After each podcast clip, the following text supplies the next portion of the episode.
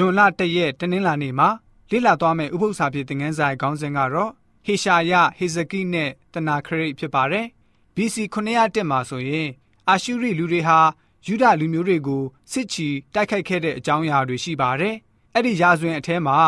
တနာခရိတ်ရဲ့အကြောင်းအဲ့ဒီမင်းကြီးကိုယ်တိုင်နီးလန်းများစွာနဲ့ဖော်ပြထားပါတယ်။ရာဇဝင်အကြောင်းအရာမှတ်တမ်းတင်ထားတာကတော့နိနဝေမြို့ကြီးကိုပြန်လည်တူးဖော်တဲ့အခါမှာတွေ့ရှိခဲ့တဲ့တနာခရိတ်မင်းရဲ့ ကြွားဝါတဲ့စကားကတော့မြို့ရိုးခိုင်ခန့်တဲ့ဟေဇကိရဲ့မြို့46မြို့အပါအဝင်အဲ့ဒီမြို့တွေနဲ့ပတ်သက်တဲ့ပဝန်းကျင်ကြေးရွာပေါင်းများစွာ မရေမတွက်နိုင်အောင်များပြားပြီးတော့ငါဟာဝန်းရံတိုက်ခိုက်အောင်မြင်ခဲ့တယ်ဆိုပြီးတော့မှတ်တမ်းတွေ့ရှိရပါတယ်။တနာခရိတ်မင်းဟာမိမိရဲ့နန်းတော်ရှိရာနိနဝေမှာနန်းတော်ရဲ့အတွင်းအလဲဆောင်ကိုခြေတထားပုံကတော့နန်းတော်အတွင်းအဆောင်ရဲ့နန်းရံပေါ်မှာယူဒလူမျိုးတွေရဲ့မြို့လာခိရှာမြို့ကို ဘယ်လိုမျိုးဝိုင်းခဲ့တယ်တိုက်ခဲ့တယ်နိုင်ရန်ပကြီးတွေနဲ့အောင်ပွဲခံရေးဆွဲထားတာကိုတူးဖော်တွေ့ရှိရပါတယ်ဆက်လက်တူးဖော်စေလာခိရှမြို့ဟောင်းမှာတနာခရိတ်မင်းကြီးမိရှုဖျက်ဆီးခဲ့တဲ့အချက်လက်တွေကိုတွေ့ရှိခဲ့ပါတယ်ယေရုရှလင်မြို့ကိုတော့ထူးဆန်းစွာ တိုက်ခိုက်သိမ်းပိုက်နိုင်ခြင်းမရှိခဲ့ပါဘူး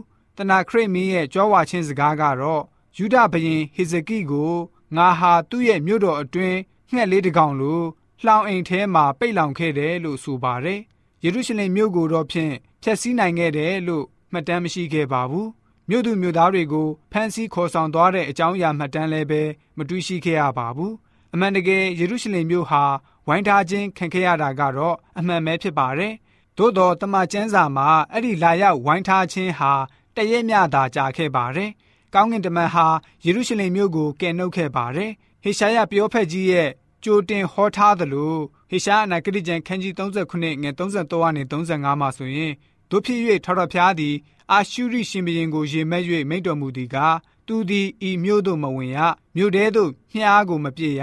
မြို့ရှိမှဒိုင်းလွားကိုမပြရမြို့ပြင်မှမြေရိုးကိုမဖို့ရလာသောလမ်းဖြင့်ပြန်သွားရမည်ဤမြို့ထဲသို့မဝင်ရငါသည်ကိုမျက်နာကို၎င်း ငါကျွန်ဒါဝိဒ်ဤမျက်နာကို၎င်းထောက်၍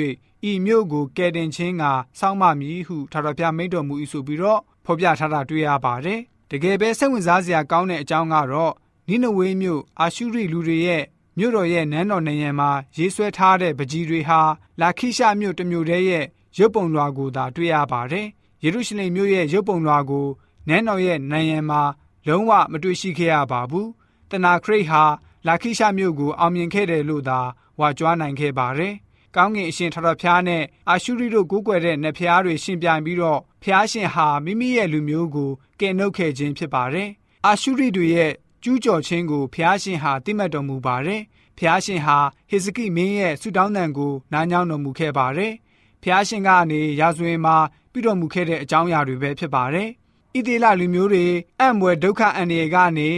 အချိန်တိုင်းမှာကယ်နှုတ်တော်မူခဲ့တဲ့ထထဖျားဟာ ယနေ့ကျွန်တော်တို့ယုံကြည်ကိုးစားမိခိုပြီးတော့ဆုတောင်းခြင်းပြုနေတဲ့ဖျားရှင်နဲ့အတူတူပဲဖြစ်တယ်ဆိုတာကိုကျွန်တော်တို့သိရှိဖို့ဖြစ်ပါတယ်။ဖျားရှင်ဟာဆိုလို့ရှိရင်ဣတိလလူမျိုးတွေကိုအခက်ခဲပေါင်းများစွာတွေကကယ်နှုတ်ခဲ့တယ်လို့ယနေ့ကျွန်တော်တို့ရောက်စီတိုင်းကိုလည်းပဲရွေးနှုတ်ကယ်တင်တော်မူတဲ့ဖျားရှင်ဖြစ်တယ်ဆိုတာကိုသိရှိစေဖို့အတွက်ဟေရှာယဟေဇကိနဲ့တနာခရိတ်တမိုင်းကြောင်းရာဇဝင်ဟာတကယ်ရှိခဲ့တယ်ဆိုတာကိုသိရှိစေဖို့အတွက် တနင်္လာနေ့ဥပုသ္စာဖြစ်တဲ့ငန်းစာကဖော်ပြပေးထားပါတယ်။